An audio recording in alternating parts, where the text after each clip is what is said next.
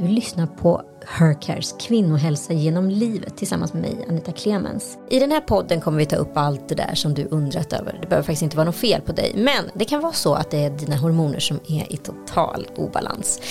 Under poddserien kommer olika experter ifrån Hercare tillsammans med mig och kända gäster gå till botten med allt från hormoner, PMS, fertilitet, förklimakterie, Ja, och klimakteriet också. Men det här avsnittet, det handlar nämligen om hypoteros, Alltså sköldkörtelproblematik som vi kan se allt oftare nämnas i kvällstidningarna. Så om du är nyfiken på vad det handlar om, ja då ska du lyssna på det här programmet.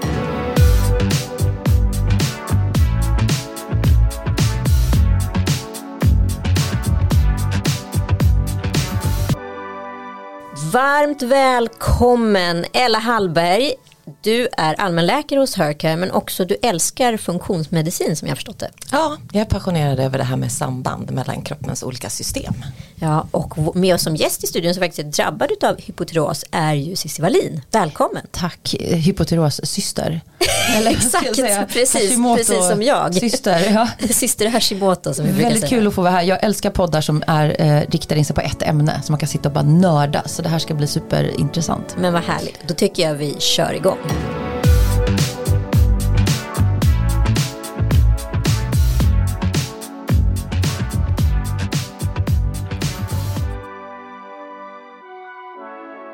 Men Ella, om vi börjar då från allra första början då jag tänker att vi har massa nytillkomna lyssnare. Vad är hypotyreos?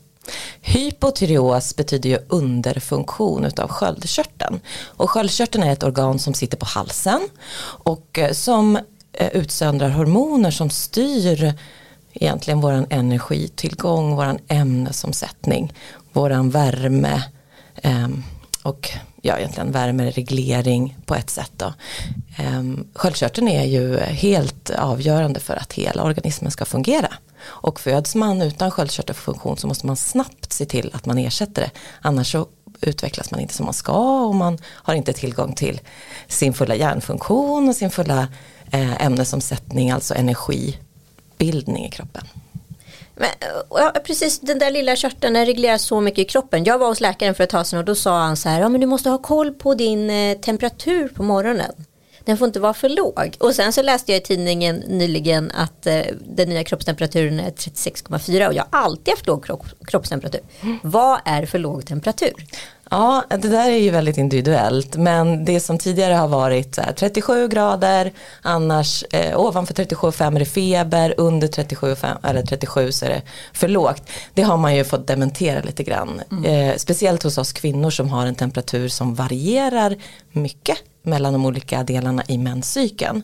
Eh, det som man har sett nu i studier är att man kan eh, uppmärk eller att man har uppmärksammat i studier det är ju att man kan ha en låg kroppstemperatur om man har en låg sköldkörtelfunktion. Men sen om det är en för låg temperatur för just dig, det behöver man ju titta på individuellt. Vad är det för skillnad på hypotyreos och hypertyreos?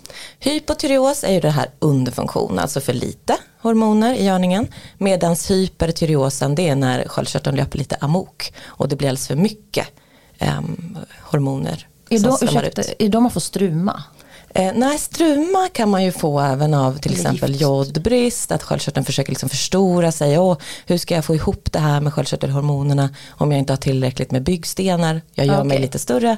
Eller att man har cystor som växer till, som du var inne på, eller en cancer, eller ja, man kan också få en svullnad när man har en inflammation och en överfunktion. Så att struma är liksom bara egentligen hur det ser ut att sköldkörteln är svullen. Okay. Och när upptäckte du att du hade problem med sköldkörteln? Eller fattar man det? Nej, jag är ju lite sådär, eh, vi pratade om det innan, eller vi pratar ju, vi pratar ganska mycket du och jag ibland, så att vi har ju redan gått igenom det här, men lyssnarna har inte hört det. Eh, vi båda är ju eh, personer som kör på jag är inte någon som känner efter fysiskt så mycket. Jag kan gå med ganska mycket smärta och bara nej, men det är, ja men typ så att jag hade brutit en tå och gick med det ganska länge innan jag bara någonting, jag måste nog kanske kolla vad det här är för den börjar liksom bli sned och, och jag kan typ inte ha skor. Eh, Så att jag, plus att de här symptomen är väldigt diffusa och mm. ofta, nu får doktorn rätta mig här, men ofta debuterar när man har fått barn under mm. graviditet. Eh, och så här, ja man blir väldigt trött. Jo men jag hade en bebis som liksom aldrig sov. Så det är klart jag var trött. Men det började väl egentligen under min, an, eller jag tror att jag började få problem redan under min första graviditet för så åtta år sedan. Mm. Men då var det så lite nu har inte jag liksom läst min journal här så allting blurrar ihop sig med de här småbarnsåren. Men jag för mig att jag fick en ganska låg dos Levaxin redan när min första son var liten. För att så här, det ligger, de tog så T3 och T4 på vårdcentralen, de här värdena som man testar då. Ja, det ligger lite lågt, så här, liksom, det är lite under, underfunktion. Så att du får, jag tror jag fick bara så 25 mikrogram eller någonting. Och sen så mådde jag ganska bra och sen så blev jag gravid med mitt andra barn. Och fick det här som heter hyper, allting heter hyper, hyper någonting, hyp, hyperemesis. Som är extrem. Och vad är det då? Eh, det är ett extrem gravid illamående. Så att du kräks liksom, ja, tio gånger om dagen. Du kan inte behålla mat. Så det var inte, jag, blev inte, jag var inlagd en gång bara. Så det var väl ganska måttligt för mig. Jag spydde kanske bara tre gånger om dagen till slut. Men eh, det gjorde att min kropp, alltså det kändes som att den där graviditeten liksom pajade någonting i, i mitt system. Jag bara gissar nu men det, det, man känner sin kropp om man känner den. Liksom. Kan det vara så att det här kan liksom utlösas av någon form av minitrauma eller vad jag ska kalla det för? Alltså... Ja det är ju det vanliga att eh, någon, någon typ av trauma drar igång det hela. Alltså en sjukdomstillstånd, något, någonting annat, eh, en graviditet, vanligt.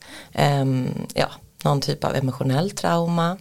Uh, men man kan ju tänka sig då att då har det legat latent.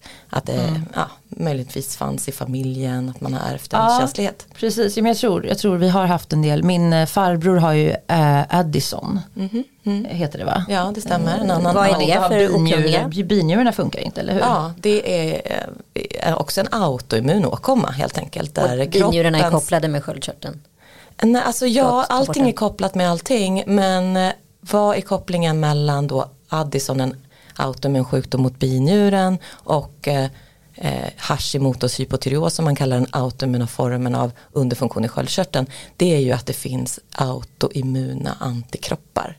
Alltså kroppen attackerar sig själv kan man säga. Ja, jättefint beskrivet. Ja, jag har googlat mycket. Mm. Eh, nej men sen så har min moster haft giftstruma så att det ligger liksom i familjen. Men jag har aldrig, eftersom det är så här en konstig endokrina sjukdomar som det heter är ju liksom väldigt luddigt. Det är inte så här, aj jag har ont i en, jag har ont i axeln liksom, utan det är ju så mycket in, eh, ja det är, det är, ju, ganska, det är ju ganska abstrakt för en, en vanlig så att säga, lekman eller patient. Mm. Så jag fattade inte riktigt de här signalerna. Och nej, men det är klart, alla människor känner ju sin kropp. Men om man är duktig på att stänga av så, mm. så ignorerar man liksom de här symptomen. Och sen blev min mamma sjuk i cancer precis när jag var gravid med det här, andra, med det här, med det här barnet. Och det var ju en otroligt eh, stress, ett stresspåslag att eh, jag födde liksom honom och sen opererades hon eh, två dagar senare tror jag, eller tre dagar senare något sånt där, för eh, cancer i halsen.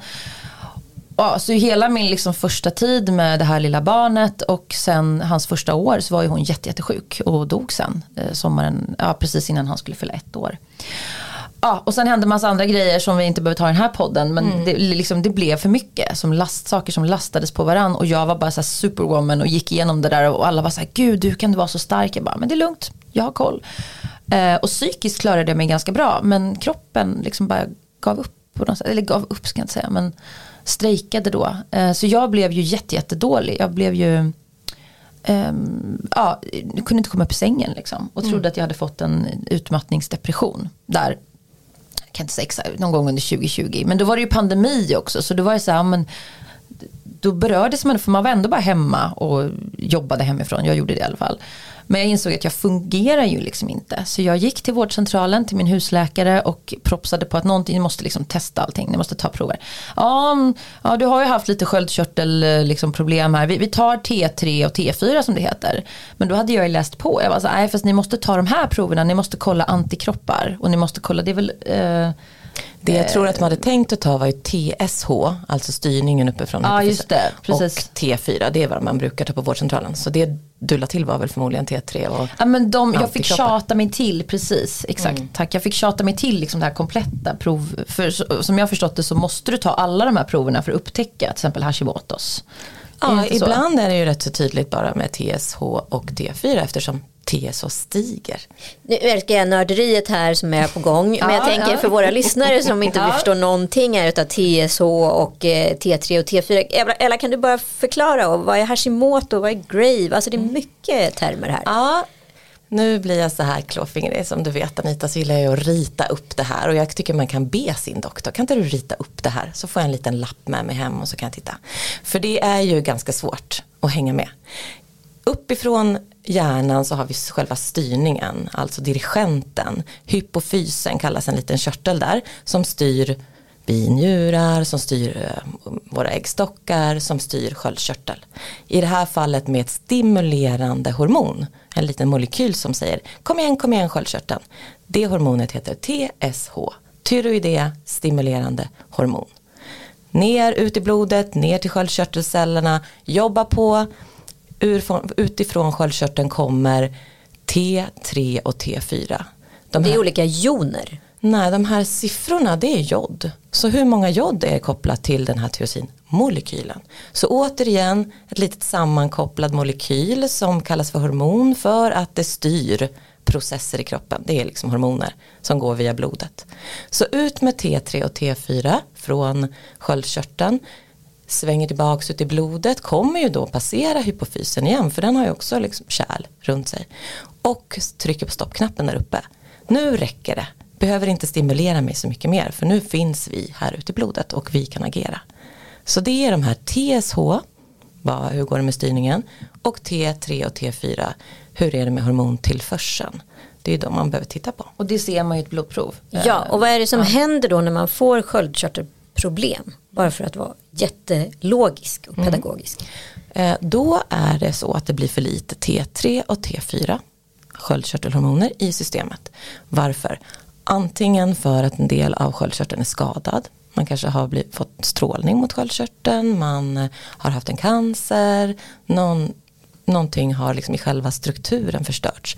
Man har haft antikroppar som i ditt fall då, som också har varit där och liksom förstört delar av sköldkörteln och egentligen också hämmat alltså mm, nu försöker jag hitta bra ord här, som har stoppat den här kopplingen, ihopkopplingen av sköldkörtelhormonerna. För det finns en liten molekyl som heter TPO där, som är inblandad i att koppla T till 3 eller 4 jod.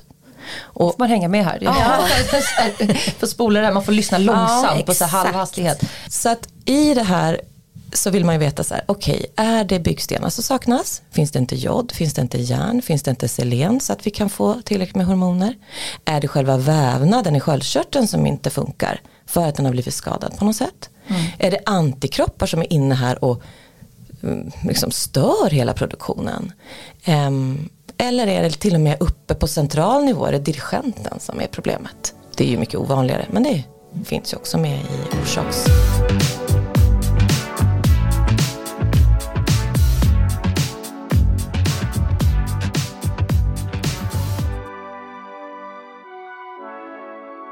Och vad är det för skillnad då på Hashimoto och Grave? För jag vet att vi kommer prata jättemycket om de här två ämnena Ja. så jag tänker att det är bra att vi liksom reder ut det för eh, lyssnarna.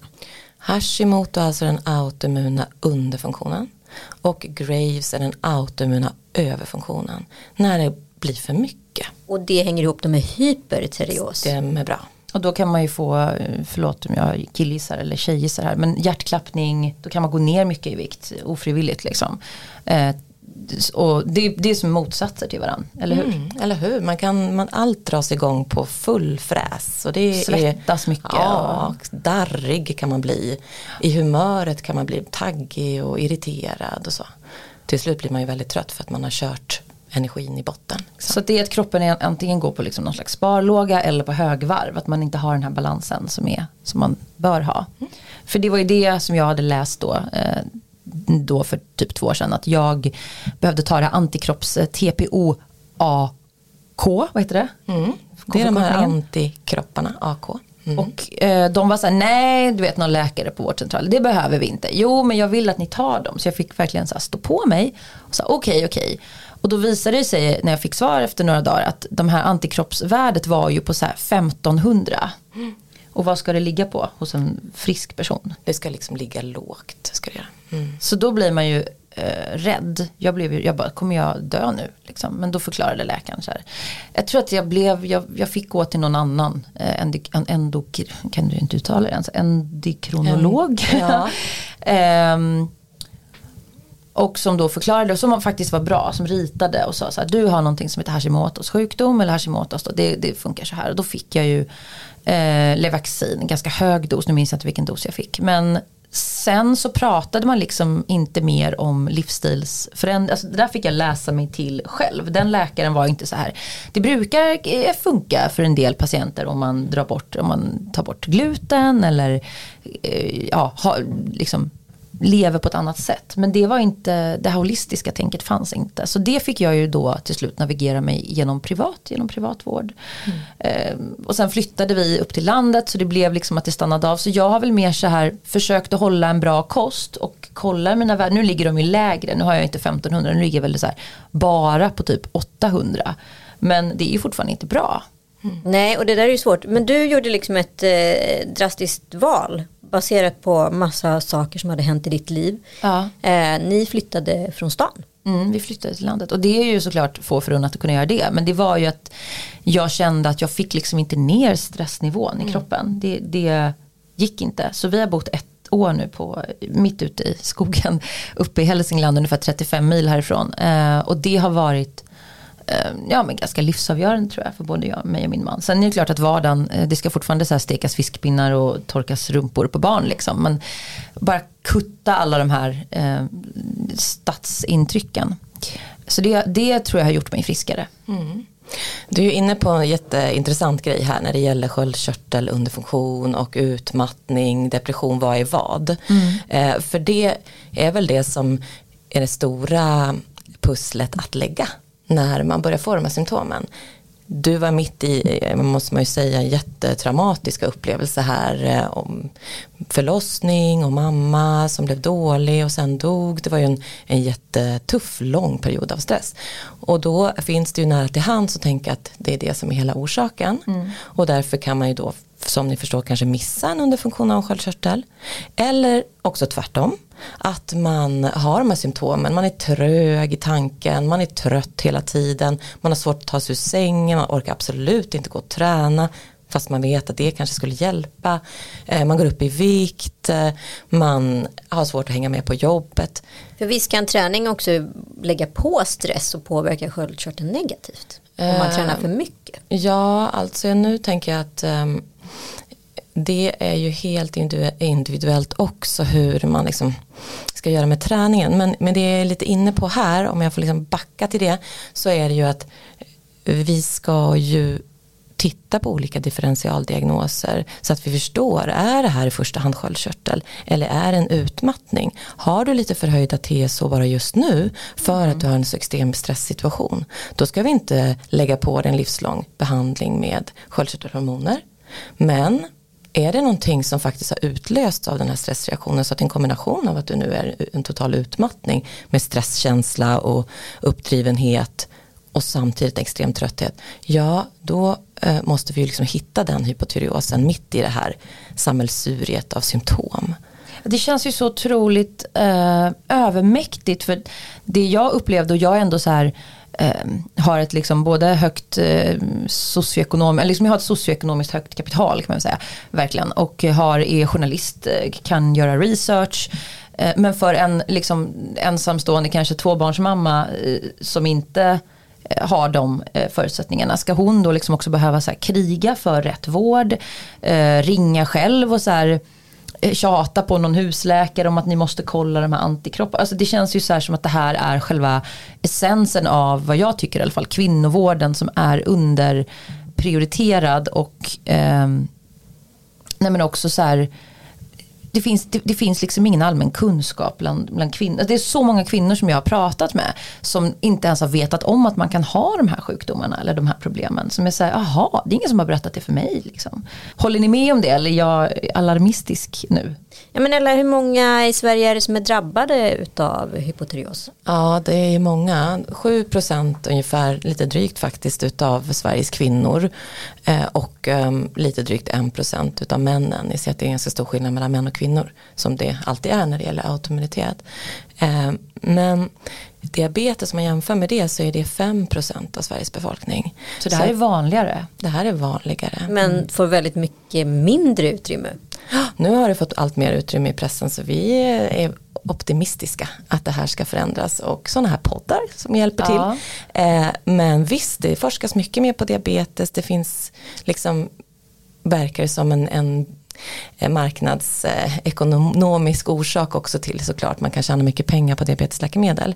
Eh, men vi hoppas ju att det ska forskas mer på hypotyreosen så att vi verkligen kan hitta de som behöver behandling, att vi kan ge dem rätt typ av behandling och att vi kan se eh, i ett helhetsperspektiv. För där saknas det ju kunskap och det saknas att kunskapen sipprar in ordentligt i vården.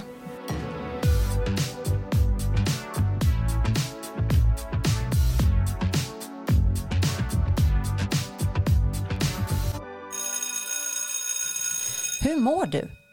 Huvudvärk? Gråtmild? Orolig? Stressad? Arg? Irriterad? Trött? Ta kontroll över dina hormoner. Ladda ner vår app idag. Vi ger dig verktygen du behöver för att ta kontroll över ditt mående. Logga dina symptom få kunskap, insikter och råd baserat på dina symptom och din cykel direkt i vår app. Hercare, vi hjälper kvinnor att må bra. Appen Hercare är gratis att ladda ner. Finns både för iOS på App Store och Android på Google Play.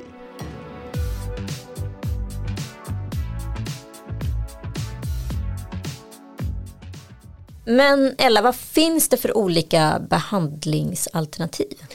Ja, när det gäller medicinsk behandling så är det ju som jag sa tidigare, de allra flesta mår jättebra på Levaxin när man har hittat rätt dos och man har hittat till det TSH som man mår bäst på. Det är ju intressant att se vart man ligger i, i intervallet för att må så bra som möjligt. Och det är ju någonting som man kan lära sig själv. Nästa steg då om man inte kommer hela vägen och man misstänker att det kanske inte blir så bra omvandling mellan T4-hormonet och T3-hormonet där T3 är det som är mest aktivt när det gäller just tankeverksamhet och go-driv, liksom glädje, energi. Eh, då kan man ju i vissa fall behöva lägga till T3 som en egen tablett då. Så mm. T4 plus T3, det kallas för liotyronin och det har kortare halveringstid i blodet så det behöver oftast tas i fler dos om man säger, kanske både morgon och eftermiddag. Um, I vissa fall i tre dos till och med. Sen finns det enskilda fall där man då har gjort hela den här utredningsgången och eh, på något sätt hittat att jo, men det är nog ändå sköldkörteln som den här eh, tröttheten, mattheten, viktuppgången, hjärndimman beror på. Då finns det att ta till de här tidiga sköldkörtelbehandlingarna som var helt, liksom, det var det enda som fanns på 80-talet, eh, nämligen biologiska sköldkörtelpreparat, det vill säga en liten bit sköldkörtel från gris eller ko. Och de innehåller ju då både T4, T3 och sen en mängd andra hormoner som T1, kalcitonin som också produceras i sköldkörtel. Och för vissa kvinnor så är det eh, väldigt bra. Många blir av med smärta i kroppen som man inte har kunnat förklara på andra sätt trötthet, hjärndimma. Um, men det är inte för alla och det är lite mer svårreglerat. Eftersom det är en bit av sköldkörtel så vet man inte exakt exakt vilken dos man egentligen ger. Så det är pulver, man vill och tugga på liksom en köttbit utan Nej. det är i någon slags tablettform eller? Ja det stämmer, ja. det är en tablett. Låter lät lite läskigt. Ja, inget man behöver ha i frysen. så att det är väl de tre som vi har och sen finns det olika förstås olika typer av te fyra om man till exempel behöver vara strikt laktosfri eller så. Så att det finns ju rätt mycket i arsenalen där.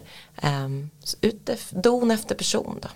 Precis, ja jag har nog testat allt. Inte grisen än men eh, den är på gång. Kanske kommer.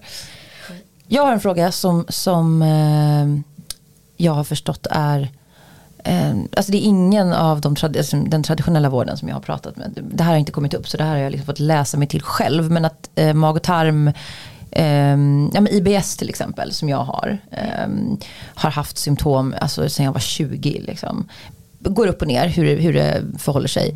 Hör inte det väldigt mycket ihop med eh, sköldkörteln? Alltså magen och ma tarm, tarmkulturen. Det mm. finns väl ett samband där? Ja, där ser man ju allt mer samband mellan hur tarmens bakterieflora är balanserad.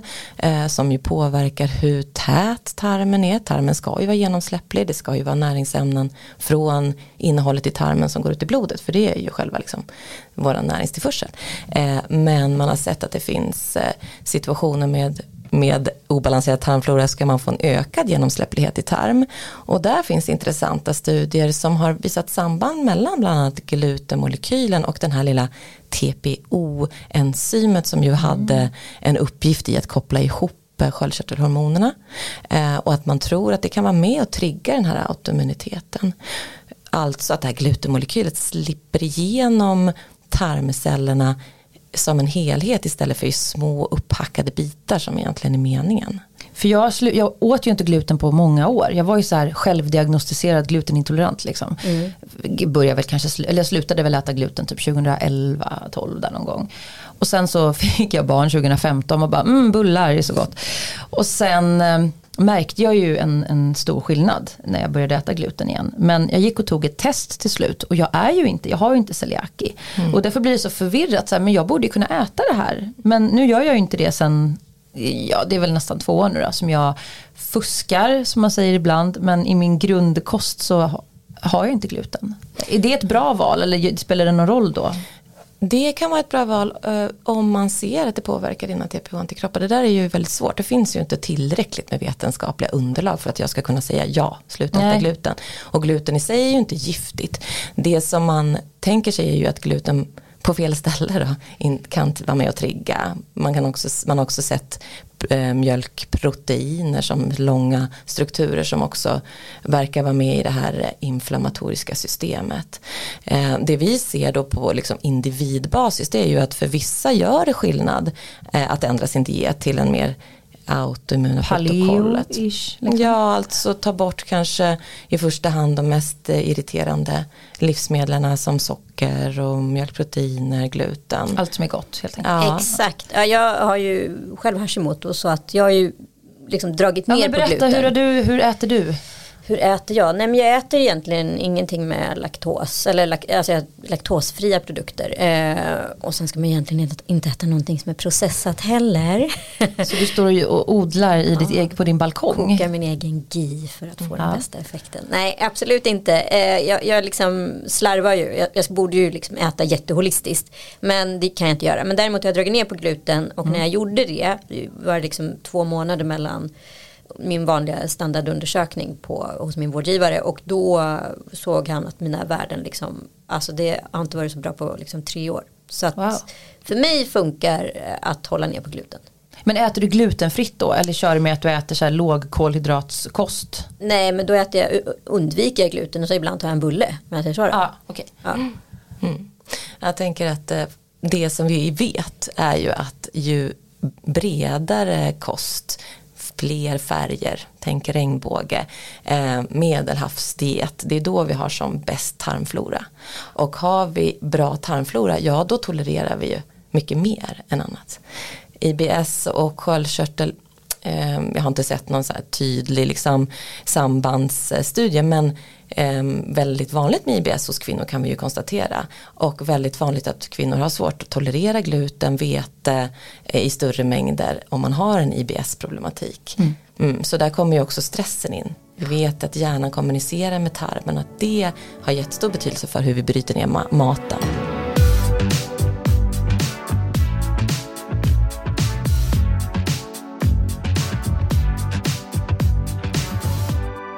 Hur påverkar en sköldkörtelproblematik könshormonerna? Mm. Vi ser ju att det ofta eh, finns en påverkan på menscykel när man har en under eller en överfunktion av sköldkörtel, oregelbundenhet, framförallt när menscykeln redan börjar bli lite svagare i preklimakterie klimakterie situation och att vi kan åstadkomma faktiskt få tillbaka en regelbunden menscykel när vi får upp våra sköldkörtelvärden. Det finns en koppling mellan östrogen och eh, sköldkörteltransport. Det finns en koppling mellan progesteron, det andra kvinnliga könshormonet, östrogen var det ena, progesteron är det andra, finns ju fler men de stora, eh, som gör progesteronet är med och gör de här upptagningsreceptorerna på cellerna, de som sitter där och vinkar och eh, tar emot sköldkörtelhormonerna för att det ska börja liksom, ha en funktion i cellen, att de blir lite känsligare. Och det här påverkar ju temperatur då, så att vi ser att vi är lite kallare under östrogenperioden och lite varmare då under progesteronperioden när de här receptorerna verkligen är superkänsliga. Och, eh, alltså är det ägglossning då? Eller vad? Efter ägglossning så kommer progesteronet att öka och då ökar också temperaturen i kroppen. Alltså innan mens helt enkelt. Mm. Så det finns en koppling mellan könshormoner um, som ju också skulle behöva klarläggas. Alltså det här är sånt wake-up call för jag har ju läst lite om det här men det känns också som att hoppa ner i ett kaninhål att jag har ju aldrig haft regelbunden mens. Jag fick ju mens när jag precis hade fyllt 12 år och eh, på den tiden på 90-talet så fanns ju ingen sån här information liksom, tillgå, att tillgå. Eh, men den har aldrig varit regelbunden. Det är klart jag har ju haft mens återkommande. Det är inte så att har, den har försvunnit i tre månader men det, jag har aldrig varit en sån där kvinna eller tjej som har kunnat säga den kommer på torsdag utan inte jag heller. Den kommer ofta när jag ska åka på semester eller bada. Då känner den att den eh, vill komma. Eller när jag ska göra något sånt där. Den kan liksom vara borta en vecka. Alltså jag tar så mycket gravtest. Ni vet jag är stammis på apoteket och undrar vad jag håller på med. För den är aldrig liksom i regelbunden. Och sen så kommer den ju bara, men jag känner ju, jag har börjat känna min kropp så jag känner ju nu är den på gång liksom. Eh, men det kanske har med det att göra då. Att jag har aldrig haft regelbunden mens. När jag var gravid så var jag så här. Ja, eh, för att räkna ut vilken vecka du är gravid i ska du veta när du hade mens. Jag bara, jag har ingen aning. Eh, jag vet ju när jag hade sex liksom. Typ kanske. Men jag vet ju inte. Så mina barn har ju varit så här, man har fått gissa lite vilken vecka jag har varit i.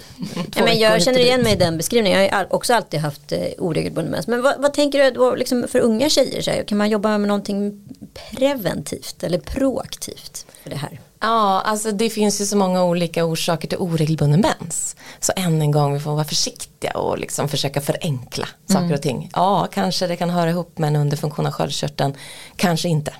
Det är ju ovanligt med sköld, att debutera i hypotyreos före 20 års ålder. Mm. Eh, så um, kanske att det hade andra skäl till att det var oregelbundet. Um, kan inte svara på det liksom personligen så. Hur kan vi förebygga sköldkörtelsjukdom? Ja, det vet vi inte riktigt. Vi vet ju det här med strålning mot sköldkörteln, att den är väldigt känslig för det. Alltså pratar du om att mobilstrålning eller? Nej, utan mer då eh, röntgenundersökningar. Eller bo nära ett kärnkraftverk. Ja, typ. det är väl så. Besöker Tjernobyl väldigt ofta. Ja, precis. Undvika turistresor till Tjernobyl. Eh, men det, våran preventivmetod nu måste ju vara jobba, hur kan vi jobba mot allmänna stressstegringen i samhället, hur kan vi se till att våra barn får bra matvanor och liksom en rik bakterieflora, eh, hur kan vi utsätta dem lagom för, för olika liksom ämnen i barndomen så att de inte blir allergiska eller får liksom ökad inflammationstendens i kroppen. Ja, ni vet. Men menar att, här, att man ska minska strålningen men jag tänker varje gång man går till tandläkaren och fotar gommen. Hur är ofta inte gör man det? det typ en gång? Ja om året. Ja. Men man brukar det... få då en sån här blykrage för att, just, just för att skydda Hals, ja det är därför. Ah. Just det. Alltså många aha-upplevelser ah, just nu. Alltså. Ah. Men vi fortsätter, vi stannar kvar lite här med liksom, eh, det proaktiva, eller vad jag ska säga, graviditet och klimakterie, hur påverkar det då om vi är mm. fortfarande inne i det här med könshormoner? I graviditeten så tar man ju också alltid extra sköldkörtelprover. Eh, det ingår ju i den vanliga screeningen. Eh, just för att det är vanligare att det debuterar då. Det är också viktigt för det här barnet som ska bli till att det finns tillräckligt med Ehm, hormoner i görningen. Och ehm, ja, efteråt så är det svårt, där hamnar vi i den här dimman. Är det, själv, är det liksom att vi är trötta eh, för att vi har fått ett litet barn eller är det någon annan trötthet? Så att lyssna på det här programmet och bara undra, men vänta, ska jag verkligen vara så här trött? Ja men då är det ju inte så stor sak att faktiskt kolla sina sköldkörtelhormoner. Nej och också jag tänker att kvinnor är ju fostrade i att så här härda. Vi får ju höra av vården, eh, eller jag tycker i alla fall det att det är normalt. Det är normalt att ha så här när man, när jag hade så här foglossning så jag knappt kunde gå. Så här, ja men det är så. Det finns liksom inte så mycket att göra åt det. Eller har man inte forskat? Nej, det har inte forskats jättemycket. Och detsamma med det här extremillamåendet. Nej men det finns, vi kan inte ge dig några tabletter för du är gravid. Du får eh, ät salta kex. Man bara tack. Du ska för inte äta gluten då men okej. Okay. Så att det känns ju som att vi är ju eller det jag vill komma till är att jag är väldigt glad över att fler och fler eh, läkare eh, börjar se det här holistiska.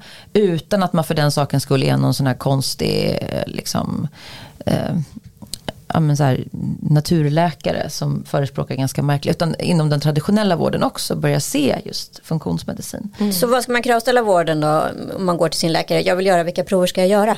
Ja, alltså det är ju det, är det där, man får ju hoppas att man kan ha en fin relation med sin doktor. Det är ju verkligen så att man kan komma och berätta sina symptom och också berätta sin oro. Jag har läst mycket om sköldkörteln, jag är jättetrött. Ja, men du har ju också småbarn. Ja, det stämmer ju faktiskt och det kanske finns jättemycket bra råd och tips jag kan ta till mig när det gäller att få rätt typ av återhämtning och så. Men har man den här liksom, gnagande oron så brukar de allra flesta doktorer också gå med på att man vill ta sköldkörtelprover då. För det är ju ingen som kan säga bara genom att titta på dig om du har eller inte har en underfunktion. Eh, så att jag tror att de flesta doktorer liksom ändå är med på det. Det är svårare kanske att komma och göra en beställning det kan vara lite känsligt. Så att man får vara lite smidig. Ja, Google-patienter kan ju vara lite störigt också. Som vet bättre än doktorn, det kan jag ju förstå.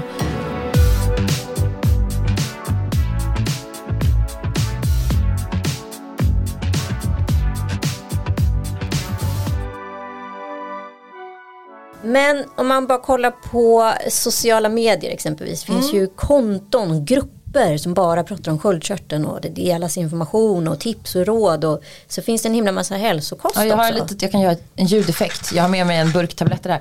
Eh, nej men jag kan berätta först om hur jag då kände mig eh, väldigt uppgiven och eh, förvirrad när jag fick den här diagnosen då, Hashimoto's och blev, kände mig ganska så lämnad åt mitt öde med de här Eh, det här vaccinet som jag inte tyckte hjälpte så bra och jag bara ska det vara så här nu? Har de, ja, men man blir nästan lite konspiratorisk. Man är så här, vad är det de inte berättar för mig? Är det någonting här som jag kan göra som jag inte får information om?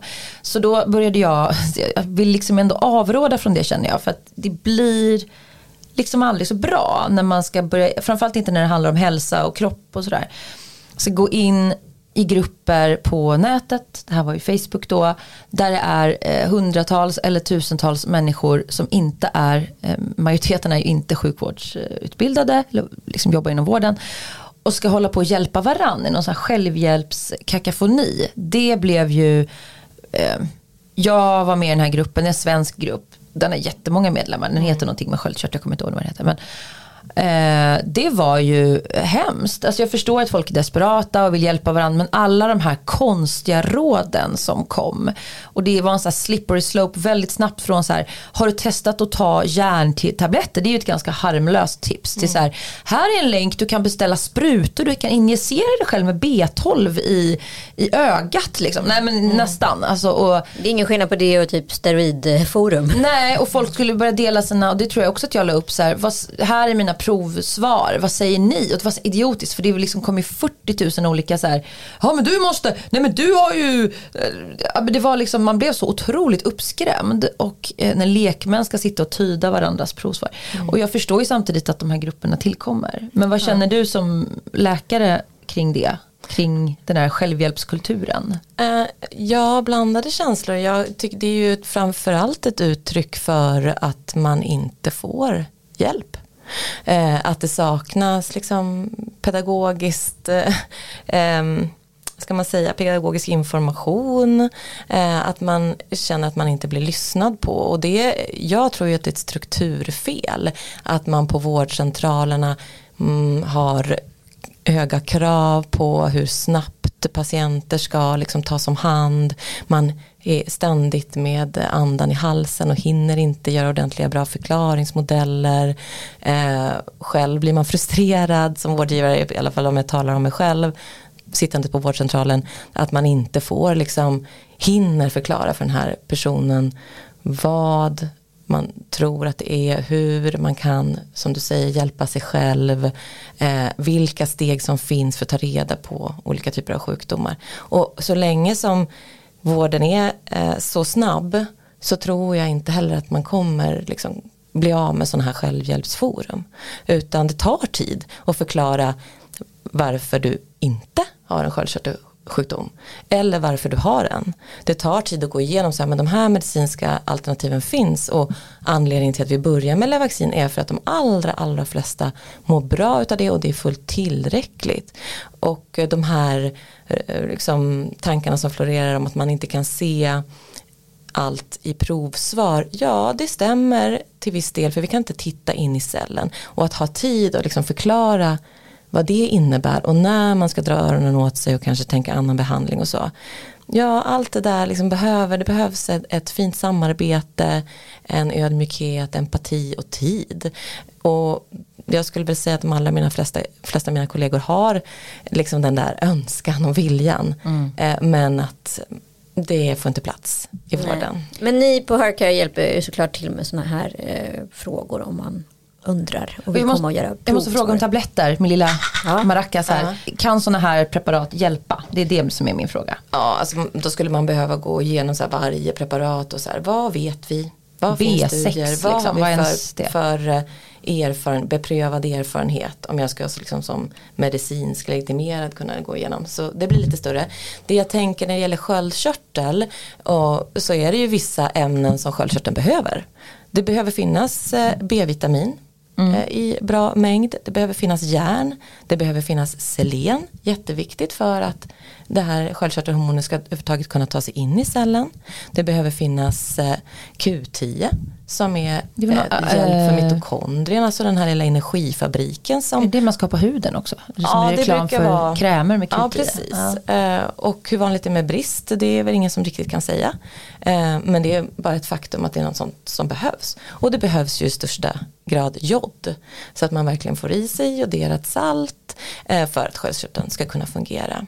Så de är väl de liksom som, som säljs som kosttillskott för sköldkörteln som man vet att ja, men det behövs. Sen om du behöver det, det är ju en individuell eh, fråga. Om man har en medicinering så behöver man ha en öppen dialog med sin vårdgivare för att se ifall det är något i kosttillskottet som hämmar upptaget av min medicin eller som, som gör att min medicin bryts ner lite snabbare i levern så att man eh, vet det när man doserar.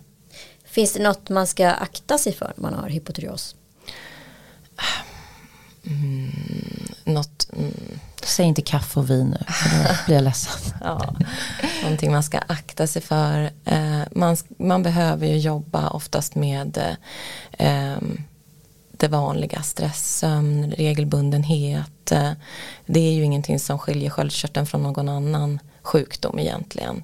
Så det är svårt att säga om det finns någon sån här farligheter men märker du av Anita, med just eftersom vi har samma diagnos, även om vi såklart är olika individer, men märker du av så här om du har maxat en vecka säger vi, det är ju så i livet, man har barn och pussel liksom. Jag känner att med den här sjukdomen så tar det längre tid för mig att återhämta mig. Att jag vet att så här, okej okay, den här veckan kör jag eh, väldigt fullt schema, sen behöver jag schemalägga typ nu är jag ju frilans, jag kan ju göra det men det är du också. Måndag, tisdag nästa vecka måste liksom bara vara så här inga möten, yoga, få sovmorgon. Eh, är det så för dig också att du behöver Precis mycket så. mer återhämtning? Ja, jämfört med hur det var tidigare när jag liksom har jobbat på menar, alltså, stora mediebolag mm. och liksom nästan som McKinsey. Alltså eh, mm. eh, inom tv där liksom, man aldrig gått hem innan 14 timmar om dygnet och det har inte varit något problem eh, på liksom någonsin. Nej. Det går liksom inte längre att köra på i samma höghastighetsfart. Liksom. Mm. Eh, så ja, absolut. Stresshantering. Mm. Man får schemalägga det. Mm.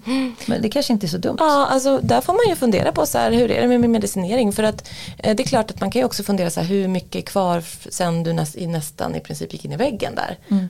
Hur mycket av det är det som kräver återhämtning nu och hur mycket är det som är sköldkörteln. Det blir det intressanta i diskussionen med. Sen har jag en liksom egen diskussion med mig själv att jag så pratar så här, okej okay hur mycket är personlig stress i det här och hur mm. mycket är stress som du faktiskt inte kan göra någonting åt. Mm. Och så bara okej okay, men det kanske är 40% som jag faktiskt inte kan göra någonting åt. Och det skit i den stressen då. Så att det är mycket, alltså många sådana här små självhjälpsmedel har mm. kommit upp. Vad gör du för att eh, hantera eller mildra dina symptom? Alltså att bo på landet, nu är vi tillbaka i Stockholm. Eh, jag vill flytta tillbaka sen men det blev också lite stressigt just att vi har barn i olika, en i förskoleålder och en i skolålder. Så det blev, eh, och jag har en ögonsjukdom också som gör att jag inte kan köra bil. Jag har nystagmus. Eh, jag har opererat i och för sig men nu men jag kan fortfarande inte köra bil. Eh, så jag, eh, min man blev ju väldigt, eh, han blev ju chaufför där uppe. Jag cyklade en del med barnen men det blev också en stress att ha eh, ganska långa avstånd och köra varje dag. Så när de är lite mer i samma ålder och båda går i skolan om två, tre år då kanske vi flyttar upp och gör ett, två år igen. Har, det huset står ju där och vi åker dit på alla lov och sådär. Men eh, att vara där i ett år i den här miljön det låter så banalt men liksom gå ut i skogen. Jag gick i skogen varje dag även om det liksom ösregnade så gick jag ut en sväng och det är någonting fundamentalt liksom som har satt sig i mig att påminna, att påminna om min, har jag ADHD, jag brukar kalla mig själv en diagnosbuffé. Liksom. Men jag behöver, oavsett om man har ADHD eller inte, så behöver man ju den här eh, intrycksminimeringen tror jag. Mm. Eh, och den har jag fått tvinga mig själv att ta. Att så här, lägga bort mobilen, eh, inte kolla mobilen, nu gör jag det ibland ändå, men så här, inte ligga i sängen och scrolla för då somnar jag med den här stressen. Mm. Eh, nej, minska alkohol, välja mina tillfällen mer.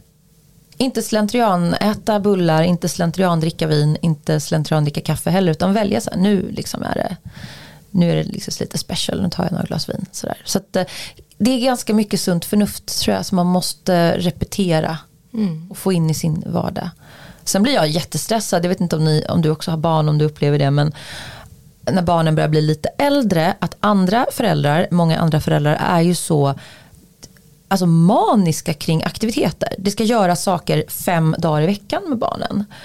Och jag undrar, liksom, det här är lite sidospår, men mår barnen bra av det? Vill de, behöver de alla de aktiviteterna? Och mår vi vuxna, alltså kan man inte bara få ha dagar när man inte gör någonting på en helg? Eh, den här stressen som bara i samhället som liksom bara eh, så säga, förökar sig på något jävligt obehagligt sätt. Vad, tror du den bidrar också till den här ökade problematiken med folks hormonhälsa? Eller är det Absolut, gör den det. det ett på, långskott? Ja, i, i, hormonhälsan så har vi ju kortisolet som är en sån här spelare som stiger vid stress och det vet vi att den har massor med eh, ohälsosam påverkan på kroppen. Eh, så att det här är ju det här är ju någonting som vi pratar om egentligen när det gäller alla typer av sjukdomar eller ohälsa eh, som är lika viktigt för alla. Men det är klart att har man då en underfunktion av sköldkörteln med en sköldkörtel som inte längre är riktigt lika dynamisk den kan inte svara an på behovet, den ska ju vara rörlig. Oj, nu behövs det lite mer, nu behövs det lite mindre. Har vi en sköldkörtelbehandling så är ju den samma varje dag. Mm. Så den blir inte lika dynamisk. Så av det skälet kan man ju då rent hypotetiskt tänka sig att ja, ännu viktigare blir det med de här klassiska eh, regelbundenheten eller tillräcklig återhämtning eller så. Absolut. Kommer vi, ja förlåt, nu tar jag över här. Eh, programledare. Det är okej okay, Kronisk programledare. Eh, kommer jag Anita någonsin bli bra eller måste vi leva med det här med Hashimoto's? Eh, ja, men vi ser ju att det enstaka läker ut. Men det är inte det vanliga. Det vanliga är att man har sin livslånga behandling. Mm. Mm. Eh, men att man hittar bra sätt att eh, leva med det och att i princip bli helt symptomfri. Mm. Och det är ju en kombination av att hitta rätt behandling och rätt livsstil. Mm. Precis. Men eh, hur är det liksom att leva med det här? Känner man, vad känner du Cissi? Känner du att det är så påverkat varje dag eller är det perioder som är värre, sämre? Nej, alltså jag tycker väl, jag har också väldigt svårt att identifiera mig med så här åkommor. Till exempel att jag har en synskada eller att jag har ADHD. Eh, som jag dessutom har lite OCD i. Så jag, jag, allt det där har jag ju varit väldigt öppen med. Och tänkt att så här, ja, det hjälper väl någon. Men så har jag märkt en kultur där man eh, mer och mer med sociala mediers framfart så här, identifierar sig med sina olika diagnoser eller åkommor. Man liksom skriver typ i sin, många skriver i sin presentation så här. Ja i bion ja. Ja, MPF eller liksom att de har någon annat, något funktion. Alltså, och det där jag så, jag förstår att man vill liksom känna att man tillhör men eh, jag glömmer ofta bort att jag har Hashimoto's. Eh, lite, jag är lite åt andra hållet att jag så här, äsch, det där det där är ju liksom, jag tänker inte vara något jävla offer. Men sen så får jag ju påminna mig själv om att säga just det. Så att jag är snarare åt andra hållet att jag eh, inte tänker på det. Eh, jag har ju mina rutiner men sen får jag verkligen påminna mig om så här, just det, det är därför jag blir så trött. Eller det är därför jag kanske inte pallar lika mycket som jag gjorde för 5-10 år sedan. Så det är mer en ständig eh, eh, en ödmjukhet man måste bibehålla kring vad ens kropp pallar och ens psyke pallar. Det känns ju som att du är lite likadan, så här hög prestationsprinsessa. Eller har jag missbedömt dig helt här nu. Menar du? Menar du?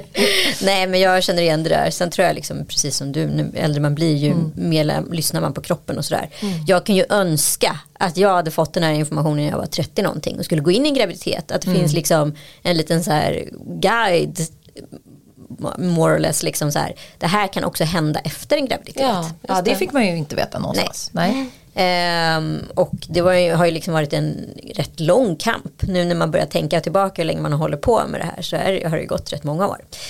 Men jag vill tacka för att du kom. Vill du ja, ha något tack. avslutande att säga? Några tips och råd på vägen? Ja men tyvärr så vill jag ju behöva uppmana kvinnor att stå på sig inom vården. Man kan ju ha tur att träffa en sån här fantastisk läkare som sitter här som du verkar vara. Eller så kan man träffa en väldigt stressad eh, kanske stafettläkare som inte är så eh, ja, angelägen om att eh, liksom tar alla de här proverna eller jag vet inte. Det, det, finns väl det finns dåliga ägg överallt liksom i alla korgar. Så att eh, stå på dig och ta de här symptomen på allvar. Alltså en onormal trötthet är ju inte normalt som du sa. Eh, att känna den här håglösheten, orkeslösheten. Eh, att faktiskt i alla fall stå på sig att man vill ta de här proverna. För då kan man i alla fall utesluta det om det inte var det. Ehm, och sen tråkigt men sant, tänka på helhetslivsstilen. Det, sen så här, verkligen inte bli rigid utan jag tror ingen mår bra av att äta um, bara så här kycklingfilé till frukost och T-bones, alltså någon sån här extrem diet utan hitta en, en balans som funkar både psykiskt och uh, fysiskt. Liksom. Mm. Ett råd när man går till läkare kan ju vara att dels eh, eh, ta med sig en vän eller en partner eller så. För när man sitter där och man är utmattad och trött och kanske lite trög i huvudet så kan det vara svårt att komma ihåg och ställa frågor mm. och komma ihåg vad som sades. Eh, så det kan vara också ett litet tips att ta med sig någon i, Jättebra. i samtalet. Som kanske också, om det är någon man lever med, som kanske ser en utifrån. Så här, mm. Men här, du är ju väldigt, du mår ju inte bra liksom, som kan bekräfta det man själv säger. Ja men precis och jag märkte i alla fall när jag började känna det var som att jag jag är rätt, liksom, jag märker säga, att jag har väldigt nära till humor. Mm. Och då är jag väldigt så här, snabb på sociala medier och kommer på roliga grejer. Eller väldigt så här, snabb i tanke mm. och underhållande liksom. Mm. Och helt plötsligt så var inte jag det längre. Jag kom inte på någonting, att man var seg och det tar liksom lång tid innan man fattar vad det är. Jag trodde ju att jag hade förändrats, alltså att det var något fel på mig. Och det var ju något fel på mig men jag fattade inte att det var det felet. Mm. Nej, men det är väl en hjärntrötthet som jag kunde liksom stå på, jag kunde stå i mataffären och stå typ tio minuter och då hade jag i och för sig en bebis med mig så tänkte att det var det. Jag bara, vad var det jag skulle jag kunde bara stå där och var helt nollställd. Jag kommer liksom inte ihåg vad jag skulle göra. Jag bara, vad skulle jag köpa? Jag har ingen aning. Liksom. Så att man knappt att man vet var man är någonstans. Så var det för mig när det var värst. Att jag gick vilse liksom, i mina egna kvarter ungefär. Mm. Nej men och så symptomtrackar jag fortfarande. För jag märker då, baserat på det, att nu är jag nere igen. Och då går jag oftast till läkaren och då har oftast mina värden gått ner också. Mm. Och då får man antingen fylla på med något eller så får man reglera mm. något. Ja, lär er era sköldkörtelvärden. Exakt. Be om att få dem och ha dem utan att behöva gå in och bli en hypotyreos själv. Ja. Se bara till att, ja, men, precis som jag har koll på mina barns schema så har jag koll på mina egna sköldkörtelhormoner och vet ungefär vad det mm. innebär. Mm. Cissi, hur mår du idag?